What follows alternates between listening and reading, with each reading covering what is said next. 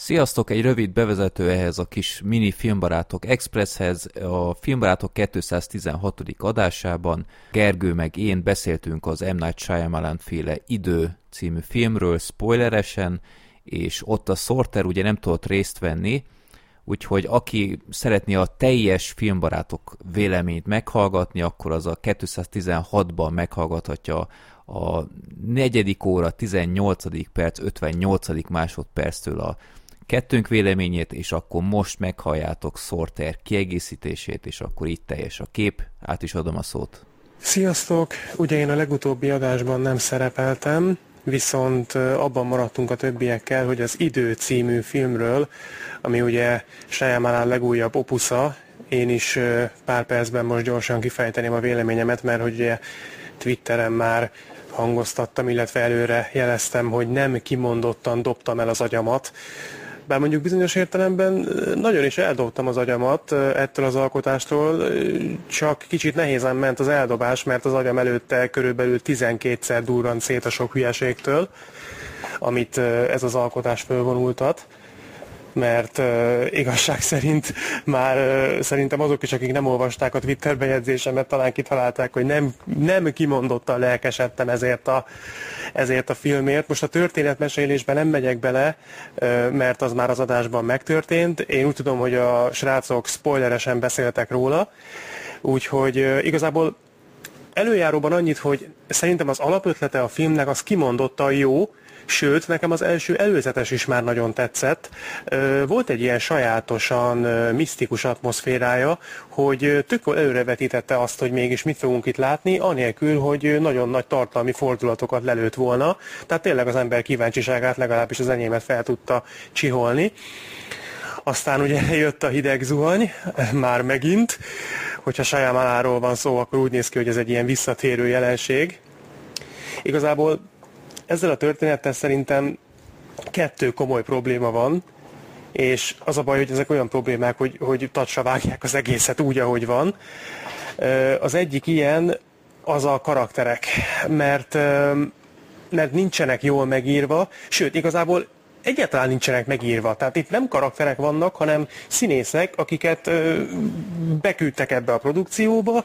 Ö, láthatóan a legtöbben azt se tudják, hogy mit kéne csinálniuk, meg milyen módon, és, és akkor, akkor ott vannak, és viselkednek gyakorlatilag 5 percenként mindig máshogy. Hát itt olyan gyorsan váltanak jellemet a szereplők, mint más mondjuk zoknit, tehát ö, hihetetlen.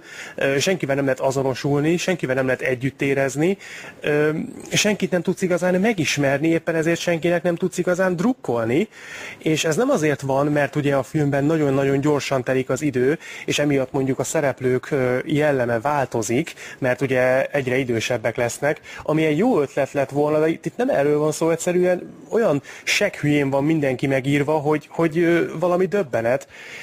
A másik pedig az igazából egy ebből fakadó tényező, a párbeszédek tehát erről már több helyen hallhattatok, mert nem egy olyan véleményt olvastam már, meg kritikát, ami ezt kiemelte, valami botrányos, de komolyan mondom, tehát még, még a Sajamáni szinthez képest is, tehát az utolsó léghajlító az ehhez képest egy alkony sugárút, komolyan, tehát hihetetlen. Tehát a, és nem hiszem, hogy ez a magyar szinkron hibája lenne, mert, mert olvastam már külföldi beszámolókat is arról, amik erre panaszkodtak, hogy, hogy ez tényleg a párbeszédeknek a, a színvonala az olyan mértéken negatívban áll, hogy, hogy nem is lehet igazából jószerével körülírni.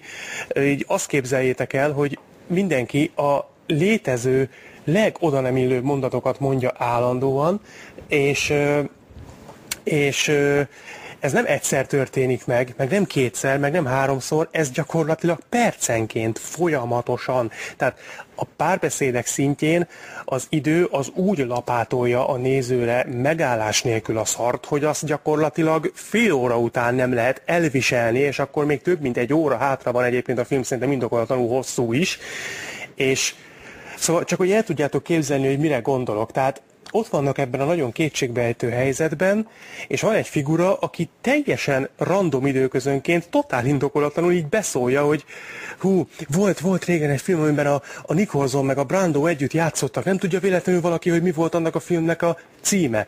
És ezt többször előhozza. De így a legváratlanabb helyzetekben, és senki nem reagál rá úgy igazán, hogy ember, mégis mi a francról beszélsz meg mi a jóisten bajod van.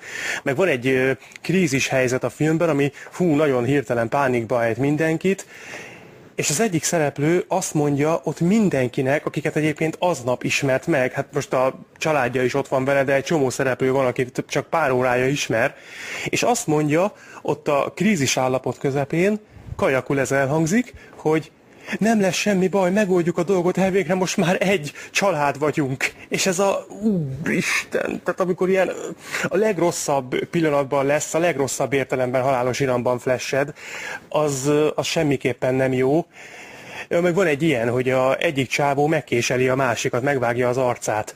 Az meg, hát szól neki, hogy úristen, megőrült maga, mit művel, miért csinálta ezt? Az meg így néz, és azt mondja, hogy hm, nem is vagyok tisztában vele, hogy miért csináltam. Azt hittem, hogy meg akar engem támadni, elnézést kérek, bocsánat. És így értem, hogy ezzel azt akarták szimbolizálni, hogy, hogy mindenkinek kezd elmenni az esze, meg hogy ez a, ez a helyzet, ez, ez megbontja az épelméjüket. Persze, de de ez annyira rosszul van előadva, annyira hiteltelenül van ábrázolva, annyira ö, nevetségessé válik tőle az egész, és tényleg nem győzöm hangsúlyozni, nem egy-két ilyen jelenet van, a film 95%-a ebből áll, és ezért van az, hogy hogy miután a végére értem az időnek, azt éreztem, amit már nagyon-nagyon régen ö, egy filmnél, hogy lefáradtam. Tehát olyan szinten elfárasztott ez a baromság a, rengeteg hülyeségével, hogy, hogy azt elmondani nem tudom.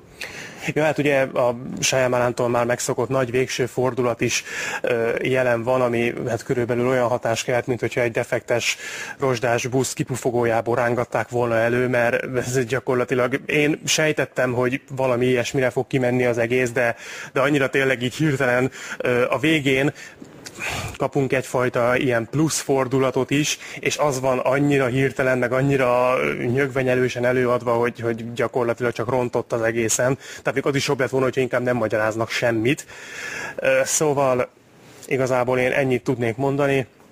De ennyire rossz filmet én nem tudom, hogy mikor láttam utoljára. Tehát uh, szerintem az még, az még bőven a Bad Movies-os időszakban lehetett, de de most így hirtelen nem is tudom megmondani, hogy, hogy mikor, mikor fagytam le ennyire, és, és mikor éreztem azt egy kevesebb, mint két órás film nézése közben, hogy, hogy nem hiszem el, hogy még ennyi van hátra. Tehát pont az ellentéte annak, mint ami a történetben van, ahol felgyorsul az idő. Itt úgy éreztem a film nézése közben, hogy megállt, és én meg időközben lekerültem az alvilágba, mert ez nem létezik, hogy én tényleg ezt a marhaságot nézem, és hogy ez ennyire kritikán alul van előadva.